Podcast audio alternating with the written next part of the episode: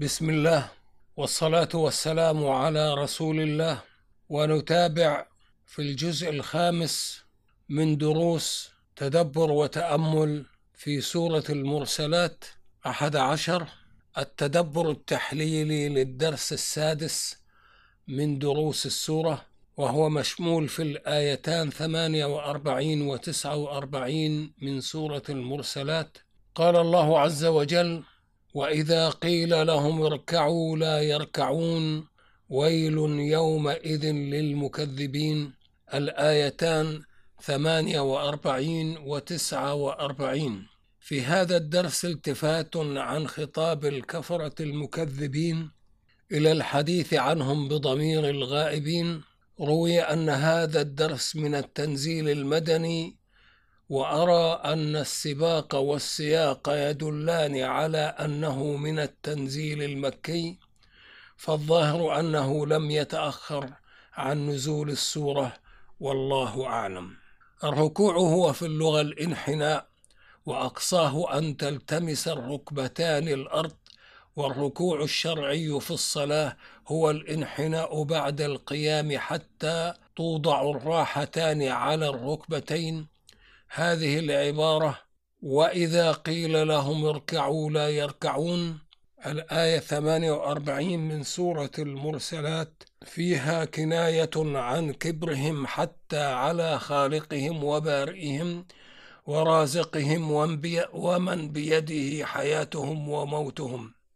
وهو الذي وضعهم في الحياة الدنيا موضع الامتحان ليختبر ما منحهم من إرادة حرة بالإيمان والعمل الصالح وأضدادهما فهو مالك محاسبتهم وفصل القضاء بشأنهم ومجازاتهم يوم الدين على اختياراتهم في الحياة الدنيا وأختير الركوع دون السجود لأنه أدنى الخضوع المادي لله عز وجل في عبادته ولو جاء في الآية السجود بدل الركوع لكان محتملا للدلالة على أنهم أنصاف متكبرين فهم قد يركعون ولكنهم لا يسجدون.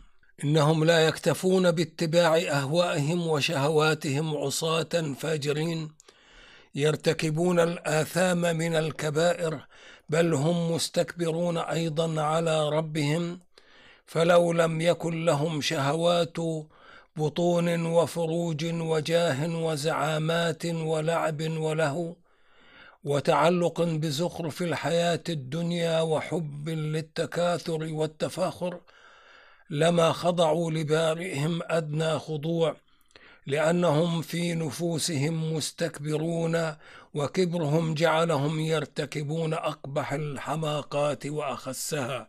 وفي مقابلة إدبارهم وتوليهم عن الاستجابة لدعوة الله لهم لما فيه سعادتهم في دنياهم وآخرتهم تولى الله عنهم فتحدث عنهم بضمير الغائبين الذين لا يستحقون مواجهتهم بالخطاب. فقال تعالى وإذا قيل لهم اركعوا لا يركعون الآية 48 من سورة المرسلات ومن حكم هذا الالتفات عن مخاطبتهم أن الركوع المطلوب منهم إنما هو له سبحانه وهو الذي يتحدث عنهم.